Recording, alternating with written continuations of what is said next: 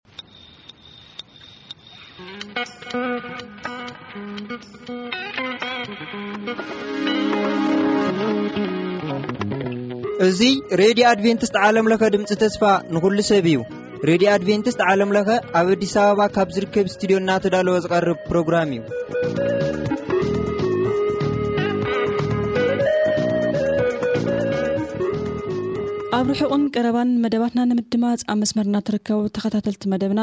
ብቐዳምነት ዝዓዘዘ መንፈሳዊ ሰላምታ ኣብ ዘለኹምዎ ይብጻሕኩም ንብል ካብዚ ካብ ስቱድዮና። ብምቕጻል ንሎሚ ዝህልወና መደብ። መደብ ክፍለጥ ዘለዎ እዩ። ምሳና ጽንሑ ሰናይ ምክትታል።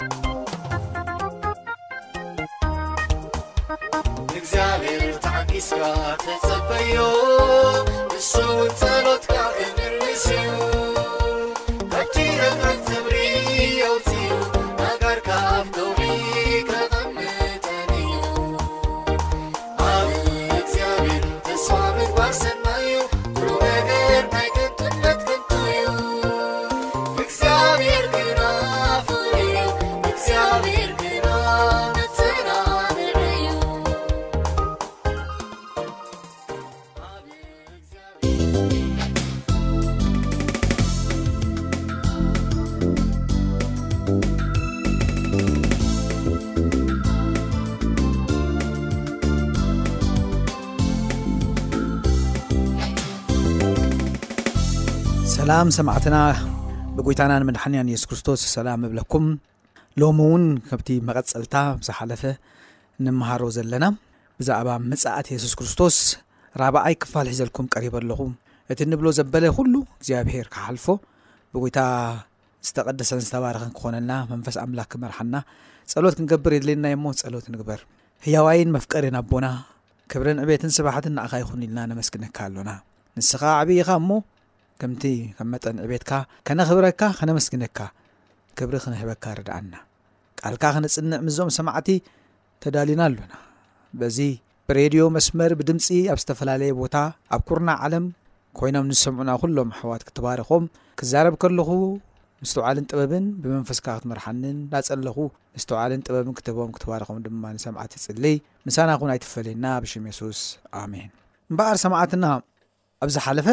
ዝተምሃርናየን ሰለስተ ክፋላት ብዛዕባ ምጽኣት የሱስ ክርስቶስ ተማሂርና ከነብቅዕ ኣብቲ ሳልሳይ ናይ መወዳእታ ሓሳብና ማቴዎስ ወንጌል ምዕራፍ 24 ከተጽንዑ ከተንብቡ እንተወሓደ ተላብየኩም ነይረ ምናልባት ብኡ ኣንቢብኩም መጺኹም ክትኮኑ ተስፋ ይገብር ሎሚ ኣብኡ ኣተኩር ኣቢልና ክንምሃር ኢና ኣብኡ መጽሓፍ ቅዱስ ብዛዕባ ምቕራ ምጽኣት የሱስ ክርስቶስ ንጹር ሓበሬታ ከም ዝህበና ክንምሃር ኢና የሱስ እኳ ባዕሉ ኣብኡ ከምዚ ኢሉ ኣሎ ከምኡ ድማ ንስኻትኩም እዚ ኩሉ ምስ ርኢኹም ኣብ ኣፍ ቤት ምቕራቡ ፍለጡ ዝብል ሓሳብ ይህበና ከምኡ ከዓ ንስኻትኩም እዚ ኩሉ ምስ ርኢኹም ትብል ቃል ኣላ ስለዚ ተኸታተልቲ መደብና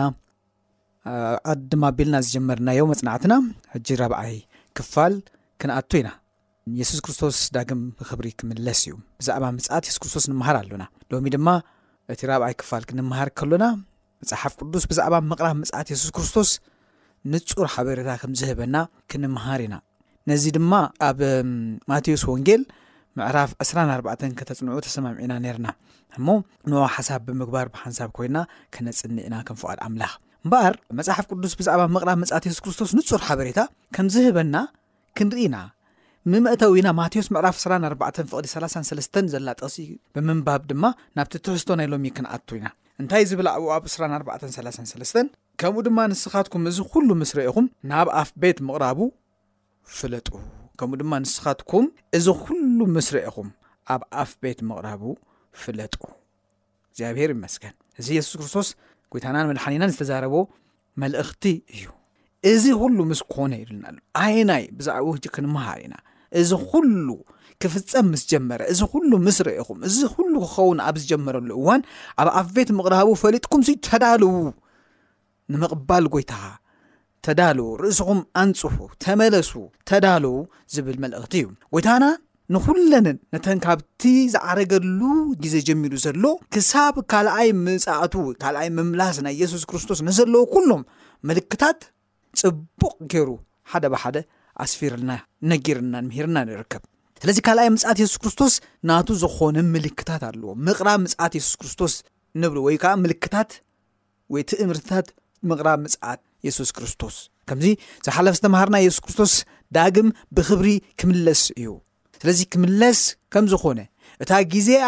ሰዓታ ሰዓታ ክንፈልጣ ኣይንኽእልን ኢና ኣሕዋተየ እቲ ግዜኡ ግና ክንፈልጦ ይከኣለና እዩ ስለዚ እቲ ግዜኡ ብምንታይ ንፈልጦ በቲ ምልክታት ምጽኣት የሱስ ክርስቶስ ክንፈልጦ ኢና ንሳተን ከዓ ካብዚን ታሕቲ ሕጂ ተዘርዚረን ንርከባዮ ብጥንቃቐ ድማ ክነፅንዐን ኢና ብ ሓባር ኮይንና ገለ ኣብ ማቴዎስ ወንጌል ምዕራፍ ዕስራን ኣርባዕተን እንረኽቦም ሓሳባት እንድሕር ርኢና፣ ብምሉኡ እቲ ማቴዎስ ወንጌል ምዕራፍ ዕስራን ኣርባዕተን ብዛዕባ ምቕራብ ምልክታት ምጽኣት የሱስ ክርስቶስ ዝዛረብ ኮይኑ፣ ገለ ገለ ካብዚ ድማ ንሎሚ ኣብዚ መጽናዕትና ከነካትቶን ከነጠቓልሎን ክንፍትን ኢና። እቲ ናይ መጀመርያ ጥቕሲ ኣብዚ እምበኣር ዝኸውን ኣብ ማቴዎስ ወንጌል ዕስራን ኣርባዕተን ፍቕዲ ክልተ ከምኡ ከዓ ዓሰርተ ሽዱሽተ ንዘሎ ሓሳባት ብምንባብ ይኸውን። ኣብኡ ድማ እንታይ ይብል? ንሱ ግና ኢሉ መሊሱ የሱስ ማለት እዩ። እዚ ዅሉስ ትርእይዎዶ ኣሎኹም? እዚ ዅሉስ ትርእይዎዶ ኣሎኹም? ኣዚ ዘይፈርስ እምኒ ኣብ ልዕሊ እምኒ ኣይኪተርፍን እዩ እብለኩም ኣሎኹ በሎም። ሽዑ ኣብ ይሁዳ ዘለዉ ናብ ኣኽራን ይህደሙ ኢሉ ኣሎ። ኣብቲ ፍቕዲ ዓሰርተ ሽዱሽተ እያ እዚኣ እቶም ኣብ ይሁዳ ዘለዉ ናብ ኣኽራን ይህደሙ ትብል ተጻሒፋቶ ንረኽባ ዘለና። እዚ ትንቢት እዚ ተፈጺሙ ከም ዝዀነ መጽሓፍ ቅዱስ ይነግረና እዩ። ብደንቢ ከነስተውዕሎ ይግብኣና እዩ። ጎይታ እምበኣር ብኣንክሮ ተጠንቂቕና ድማ ክንሕዝውን ከነጽንዑን ከነስተውዕሉን ዝግብኣና ነገራት ኣብዚ ናይ ሎሚ መጽናዕትና እንታይ እዩ? የሱስ ካብታ ኣብ ከረን ዘይቲ ኮይኑ ክፋነዎም ከሎ ዝተዛረበላ ግዜ ጀሚሩ ዘሎ ካብኡ ንኖ ዝኸውን ፍጻሜታት ክሳብ እሱ ካልኣይ ዝግለጽ ዘለዉ ተርእዮታት፣ ምልክታት፣ ፍጻሜታት እዩ ኣብ ማቴዎስ ምዕራፍ 24 ተጠቒሶም እንረኽቦም። ስለዚ ካብዚ እምበኣር ዝተፈጸሙ ኣለዉ ብሕጂ ክፍጸሙ ንጽበዮም ነገራት ኣለ ገሊኡ ድማ ደብል ዕያር ስታንዳርድ ዝሓዘ ወይ ከዓ ትርጉም ዝሓዘ ኮይኑ ክንረኽቦ ኢና እምበኣር እዚኣ ኣንቢብናያ ዘለና ጥቕሲ ግና እዚ ኹሉ ትርእይዎ ዘለኹም እዩ። እቲ ቤት መቕደስ እናረኣዩ ከለዉ እዩ የሱስ ክርስቶስ እዚ ሓሳብ እዚ ተዛሪብዎም። እቲ ቤት መቕደስ ድንቂ ብከመይ ዝመሰለ ንኣርባዓን ሽዱሽተን ዓመት ንክስራሕ ዝወሰደ ቤት መቕደስ እዩ። ስለዚ ብሓደ ኣፊቱ የሱስ ክርስቶስ ኣብዚ እዚ ካብዚ ቤት መቕደስ እዚ ዘይፈርስ እምኒ ኣብ ልዕሊ እምኒ ኣይክተርፍን ክብሎም ከሎ ኣስተንኪሮም እዮም ሰንቢዶም እንታይ ደኣ እዚ ነገር እዚ ከመይ ደኣ እዩ ኢሎም እዮም ንየሱስ ዝሓትዎ መሊሱ ከዓ ኣብቲ ፍቕዲ 16 ሽዑ ኢሉ ኣብ ይሁዳ ዘሎ ናብ መክራን ይህደም እዚ ነገር እዚ ክፍፀም ከሎ ኢሉ ይነግሮ እምበኣር ከም ዝበልኩኹም እዚ ተፈፂሙ እዩ እዚ ፍፃሜ እዚ ኣብ ሰብዓ ዓመተ ምህረት የሱስ ክርስቶስ ምስ ከደ ድሕሪ ኣርባዓ ዓመት ዝኸውን ማለት እዩ ተፈፂሙ እዩ እዚ ብሓደ ሮማዊ ወተሃደር ቲቶስ ዝተባሃለ የሩሳሌም ሙሉእ ብምሉእ ዓንያ እያ ኣብዚ ዘገርም ፍፃሜ ኢና ንርኢ ኣብ ታሪክ ነዚ ፍፃሚ እዚ ብደንቢ ተመዝጊቡ ኣሎ መፅሓፍ ቅዱስ ትንቢቱ ታሪኽ ድማ ፍጻሜኡ መዝጊብዎ ይርከብ። ታሪኽን መጽሓፍ ቅዱስን ጎኒ ጎኒ ዝኸዱ መጽሓፍቲ እዮም። ብዙሕ ግዜ መጽሓፍ ቅዱስ ንዝተነበዮ ትንቢታት ኩሉ ታሪኽ ኣስፊርዎ እዩ። የሱስ ክርስቶስ ክመጽእ ከም ዝኾነ መጽሓፍ ቅዱስ ኣብ ብሉይ ኪዳን ተዛሪቡ ታሪኽ የሱስ ክርስቶስ ከም ዝመጸ ድማ ተዛሪቡ ኣሎ። መጽሓፍ ቅዱስና ሓድሽ ኪዳን እውን የሱስ ክርስቶስ ከም ዝመጸ፣ ከም ዝኸደ፣ ሕጂ ድማ ክምለስ ከም ዝኾነ ይነግረና እዩ። እዚ ፍጻሜ እዚ ምናልባት ብዛዕባ እዚ ብዙሕ ብሰፊ ክንዛረብ ኣይንኽእልን ኢና ሎሚ፣ ግን ብዘገርም ኩነታት ብዝሰቅቕን ዘሰክፍን ኩነታት ኣብ መበል ሰብዓ ዓመተ ምህረት ኣብ የሩሳሌም እታ ቤት መቕደስ እቲኣ ሙሉ ብምሉ ዓንያ እያ። ገለ ታሪኽ መዛግብቲ ከም ዝረኣኹዎ ጸሓፍቲ ሰበኽቲ ዝበልዎ ኣብ ዝሰማዕኹዎ ኩሉ ቲቶስ ነታ ሮማዊት ሮማዊ ወታደር ቲቶስ መጺኡ ነታ ቤት መቕደስ ሓዊ ከም ዘእተወላ ከም ዝፈረሰት ከምኡ ኸኣ ኣብኡ ወርቂ ይርከብ እዩ ብወርቂ እተሰርሐት እያ እዩ ዝእመን ስለ ዝነበረ ወርቂ ምናልባት ኣብተን ዘይፈረሳ ጡብ ወይ ከዓ ብሉኬቲ ንበለን እምኒ ይህልው ተጸቂጡ ክህሉ ይኽእል እዩ ኢሎም ነፍሲ ወከፍ እምኒ እናፈንቀሉ ድማ ኩሉ ከም ትበታተን ገይሮማ እዮም እቲ ትንቢት ከምቲ መጽሓፍ ቅዱስ ጠቒስዎ ዘሎ ምእንቲ ክፍጸምሲ ኢሉ ኣሎ እምኒ ኣብ ልዕሊ እምኒ ኣይክተርፍን እዩ እምኒ ኣብ ልዕሊ እምኒ ክሳብ ዘይትተርፍ ድማ ከምኡ ኮይኑ ዘገርም እዩ ኣሕዋት ዘገርም ፍጻሜታት ኮይኑ ንሪኦ ኣሎና ኣብዚ እዚ ሙሉእ ብምሉእ ድማ ኣብዚ እንታይ ኮይኑ ተፈጺሙ ንሪኦ ኣለና እዚ ፍጻሜ እዚ ኣብ ሰ ዓመተ ምህረት እዩ ተዳሃሊሎም ኣብ ዝነበሩሉ እዋን እዚ ሮማዊ ወታደር ከምኡ ብዋዛ ብዋዛ ንገሊላ ከቢብዋ ድሓር ከዓ ማሲኡ ንየሩሳሌም ኸቢብዋ ጎይታና ንመድሓንያ የሱስ ክርስቶስ ግን ኣቅድማ ኣቢሉ ሽዑ ኣብ ይሁዳ ዘለዉ ናብ ኣኽራን ይህደሙ ይውፅኡ ካብ የሩሳሌም ውፁ ኣብ የሩሳሌም ውሕስነት የልቦን የሩሳሌም ተኸቢባ ምስ ረኣኹም ይብል ፅሑፍ ድሕሪኡ ኣብኡ ኣይትጽንዑ፣ ውጹ፣ ህደሙ ኢልዎ በሉ። ምናልባት ደስ ዝብል እቶም የሱስ ክርስቶስ እዚ ክዛረብ ከሎ ዝሰምዑ ነዚ ዘረባ እዚ ከኣ ዘስተውዕሉ እዚ ዳሕረዋይ ወለዶ ኩሉ ካብዚ ቁጥዓ እዚ ካብዚ ዕንወት እዚ ክሃድሙ ከም ዝኸኣሉ ታሪኽ ጽቡቅ ገይሩ ይነግረና ኣሎ። እግዚኣብሔር ይመስገን። ስለዚ ፍቅሪ ክልተን ዓሰርተ ሽዱሽተን ዘለዋ ኣብ ሰብዓ ዓመተ ምህረት ከም ተፈጸሙ መጽሓፍ ቅዱስ ዝተንበዮ ታሪኽ የረድኣናን ይነግረናን ኣሎ። ልክዕ ከምቲ ጎይታ ዝበሎ ከም ዝኾነ ንርኢ ድማ ኢና። ብትንቢት ድማ ነዚ ነስተውዕሎ ኢና። ምናልባት ሎሚ ብዛዕባ ኣፈታትሓ ትንቢት ንምሃር ስለ ዘየለና ግን ከመይ እዩ ከመይ ኮይኑ ንዝብል ንክምልስ ግዜ የብልናን። ካልኣይ ኣብ ማቴዎስ ወንጌል ምዕራፍ ዕስራን ኣርባዕተን ፍቕዲ ዕስራን ሓደን ዓብዪ ስደትን መከራን ክኸውን እዩ ኢልና ኣለና። ብዛዕባ ምዕናው የሩሳሌም ርኢና ኣለና የሩሳሌም ዓንያ ተሪፋ እያ ብድሕሪኡ ንዘሎ ሕጂ ንሪኦ ድማ ዓብዪ ስደትን መከራን ክኸውን እዩ ኢሉ ኣሎ መጽሓፍ ቅዱስ ኣብ ፍቕዲ ስራን ሓደን ስራን ክልተንን ከንብብ ከለኹ ሽዑ መከራ ክኸውን እዩ ከምኡ ዝበለ ካብ መጀመርታ ዓለም ክሳዕ ሎሚ ዘይኮነ ከቶ ድማ ዘይከውን እዩ እሞ እቲ ምህዳምኩም ብክረምቲ ወይ ብሰንበት ከይከውንሲ ለምኑ እተን መዓልትታት እቲኣተን እንተ ዘይሓጽራስ፣ ስጋ ዝለበሰ ዅሉ ኣይምደሓነን። ምእንቲ እቶም ሕሩያት ግና እተን መዓልትታት እቲኣተን ኪሓጽራ እየን ይብል ቃል እግዚኣብሄር። እግዚኣብሄር ይመስገን፣ ነቶም ሕሩያት ዝሓሊ እግዚኣብሄር፣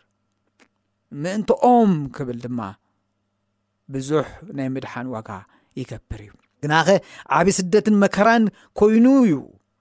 ዓብዪ መከራን ካብኡ ካብ መጀመርታ ዘይኮነ ክሳዕ ሎሚ ዘይኮነ ብሕጂ ድማ ከቶ ዘይከውን መከራ እዚ ትንቢት ብቐዳምነት ኣብቲ ነዊሕ ናይ ጸልማት መዋዕል ናይ መከራ ግዜ ጸልማት ደለሃመት እንብሎ ወይ ከዓ ዳርክ ኤጅስ ተባሂሉ ዝፍለጥ ብእንግሊዝኛ በታ ናይ ክሕደት ማሕበር ዝኾነት ዝተፈጸመ መከራ እዩ በታ ሮማን ካቶሊክ ቤተ ክርስትያን ሮማዊት ቤተ ክርስትያን እዚ ኣብዚ እዋን እዚ ስደት ንልዕሊ ሓደ ሽሕ ዓመታት ዝኸውን ዝኸደን ዝፀንሐን ኮይኑ ኣብዚ ዘሰክሕ ናይ መከራ ግዜ ኣስታት ልዕሊ ሓምሳ ሚልዮን ክርስትያናት ምእንቲ እምነቶም ብምኽንያት እምነቶም ተቐትሉ። ዘሕዝን እዩ ሓምሳ ሚልዮን ክርስትያን ኣብዚ ውሽጢ ንልዕሊ ሓደ ሽሕ ዓመት ግዜ ዝወሰደ ናይ ስደት ዘመን በታ ናይ ክሕደት ማሕበር ክርስትያናት ከም ሕሱም ተጨፍጪፎም እዚ ኩሉ ብምኽንያት እምነቶም እዩ ጎይታናን መድሓና የሱስ ክርስቶስ ኣብቲ ከረን ዘይቲ ኮይኑ ኣብቲ ናይ ስንብታ ዘረብኡ፣ እዚ ኹሉ ብድሕረይ ክኸውን እዩ፣ ክሳብ ዝመጽእ ድማ እዚ ኹሉ ምልክት ክኸውን እዩ። እቲ ኩሉ ግዜ ዝፈልጥ ድሕሪ ሓደ ፍጻሜ እንታይ ከም ዝስዕብ ዝፈልጥ ኣምላኽ ኣቐዲሙ ንኹሉ ነገራት ነጊርና እግዚኣብሔር ይመስገን ሕጂ ድማ ከይኮነ ከሎ ነገርኩኹም ምስ ኮነ ሁሉ ብኣይ ምእንቲ ክትኣምኑ ኢሉ እዚ ካብ 538 ክሳብ 1798 ግዜ ዝፅንሐ ናይቲ ስርዓት ጵጵስና ልዕልና ኣብ ዝነበረሉ እዋን ዝተጨፍጨፉ ክርስትያናት እዮም ኣብዚ እዋን እዚ ክርስትያናት ካብ ምክንያት ስደቶም ካብ ብዝሒ መከራኦም ማራናታ ትብል ቃል ይደግሙ ከም ዝነበሩ ታሪኽ ይዛረብ እዩ። ማራናታ ይብሉ ከምዚ ኣነ ንስኻትኩም ክንራኸብ ከለና ከመይ ሓዲርካ ከመይ ሓዲርካ ንበሃሃሎ እሳቶም ድማ ዝራኸቡ ከለዉ ማራናታ ማራናታ ይበሃሃሉ ነይሮም ክርስትያን ምዃኖም እንድሕር ዝፋለጡ ኮይኖም እቲ ክርስትና ብሕቡእ እዩ ነይሩ ንክርስቶስ ምስዓብ ኣዝዩ መከራ ዘእቱ ስደት ዘምጽእ እዩ ነይሩ ኣሕዋተይ ስለዚ ኣብዚ እዋን እዚ ተፈጺሙ እዩ ከምዚ ዝበልኩኹም ድማ ሓምሳ ልዕሊ ሓምሳ ሚልዮን ክርስትያናት ብምክንያት እምነቶም ተቐቲሎም እዮም ስለዚ ዓብዪ ስደትን መከራን ክኸውን እዩ ዝበሎ ጎይታ ከምቲ ዝበሎ ተፈጺሙ እዩ ካልእ ኣብ መጽሓፍ ቅዱስና ኣብኡ ኣብ ማቴዎስ ምዕራፍ 24 ንረኽቦ ኣብ ፍቅሪ 29 ዘሎ ሓሳብ እዩ ኣብኡ ድማ እንታይ ይብል ድሕሪ መከራታ ቅነቲኣ ግና ብኡ ብኡ ፀሓይ ክትፅልምት ወርሑን ብርሃና ኣይክትህብን እያ ከዋክብቲ ካብ ሰማይ ክወድቁ ሓይልታት ሰማይ እውን ሰማያት እውን ከንቀጥቅጡ እዮም ኢሉ ኣሎ እዚ እውን ኣብ ግንቦት 1917 ፀሓይ ልዕሊ ተፈጥሮ ብዝኾነ ፅልመት ተራእዩ ብዘይፈልጥ ቅድሚ ሕጂ ጸልሚታ ቀትሪ ገና ከሎ ኣብ መብዛሕትኡ ዓባይቲ መብራህቲ ተወልዕ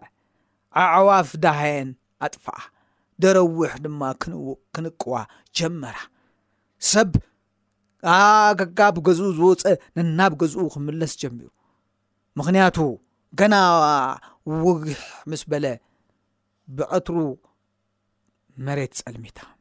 ፀሓይ ጸልሚታ ናይ ፀሓይ ምጽልማት ኣጋጢሙ እዚ ድማ ኣብ መፅሓፍ ዓለማዊ መፅሓፍ ታሪክ ኩሉ ተመዝጊቡ ከዓ ንረኽቡ ኣብ ግንቦት 1918 ኣብ ዝኾነ ኢንተርኔት ኣቲና እንተረኣናያ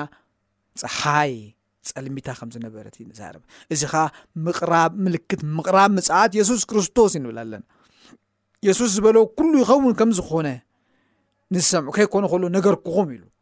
ኣብዚ ዘመን እዚ ዝነበሩ ኩላቶም ጎይታ ዝበሎ ኩሉ ተፈፂሙ ኢሎም እምነቶም ክዕብዩ ክዕብዩ ንጎይታና ንምድሓንያን የሱስ ክርስቶስ ድማ ተዳልዮም ክፅበይዎ ሂወቶም ክህብዎ እዚ ድማ ሓደ ምልክት እዩ ምክንያቱም ከይኮነ ከሎ ጎይታ ዝነገረሉ ምክንያት ምእንቲ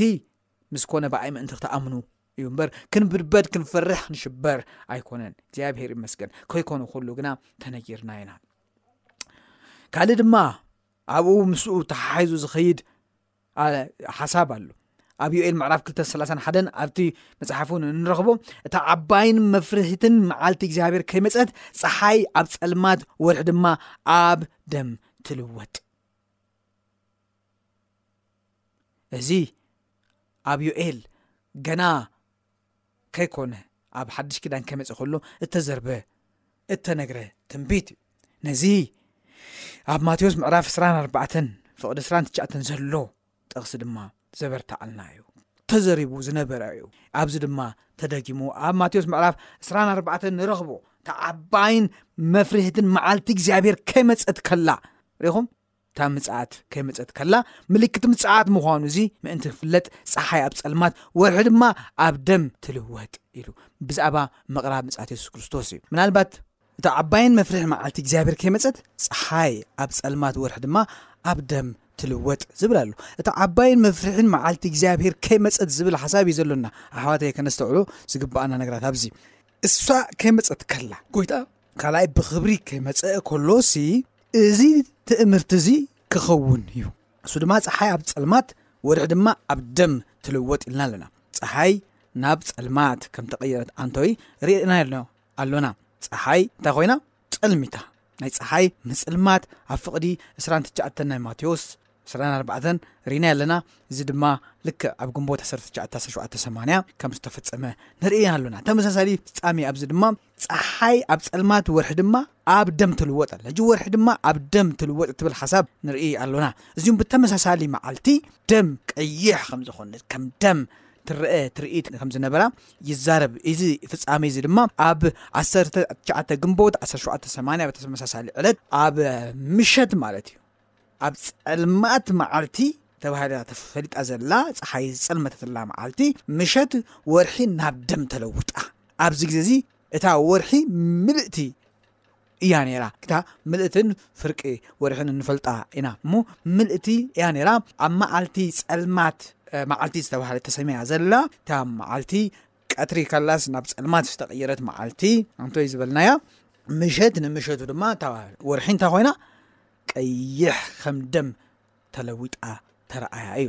ጽቡቕ ኣብ ኣብቲ ኣንቶይ ዘንበብናያ ኣብ ፍቕዲ 29 ማቴዎስ 24 ድሕሪ መከራቲ ቕነቲ ግና ኢሉ ብኡብኡ ፀሓይ ክትፅልምት ወርሒ እውን ብርሃና ኣይክትህብን እያ ከዋክብቲ ካብ ሰማይ ክወድቁ ሓይልታት ሰማያት እውን ከንቀጥቅጡ እዮም ድማ ተባሂሉ ተጻሒፉ ኣሎ። እዚ እውን ተመሳሳሊ ሳልሳይ ፍጻሜ እዚ ኣብ ሓይልታት ሰማይ ዝተፈጸመ እዩ። ስለዚ ወርሒ ፀሓይ ኢልና ሕጂ ድማ ከዋኽብቲ እዩ እዚ ተፈፃሚ ድማ ኮይኑ እዩ ተፈፂሙ እዩ ዓብዪ ምርጋፍ ከዋኽብቲ ኣብ ሕዳር 131833 ምሸት ድማ ተፈፃሚ ኮይኑ እዩ ኣብኡ ተፃሒፉ ከም ዘለዉ ጋዜጣ ኣብ ጎደና ከተንብበሉ ክሳብ ዝከኣል ኣዝዩ ብሩህ ነይሩ እቲ ምርጋፍ ከዋኽብቲ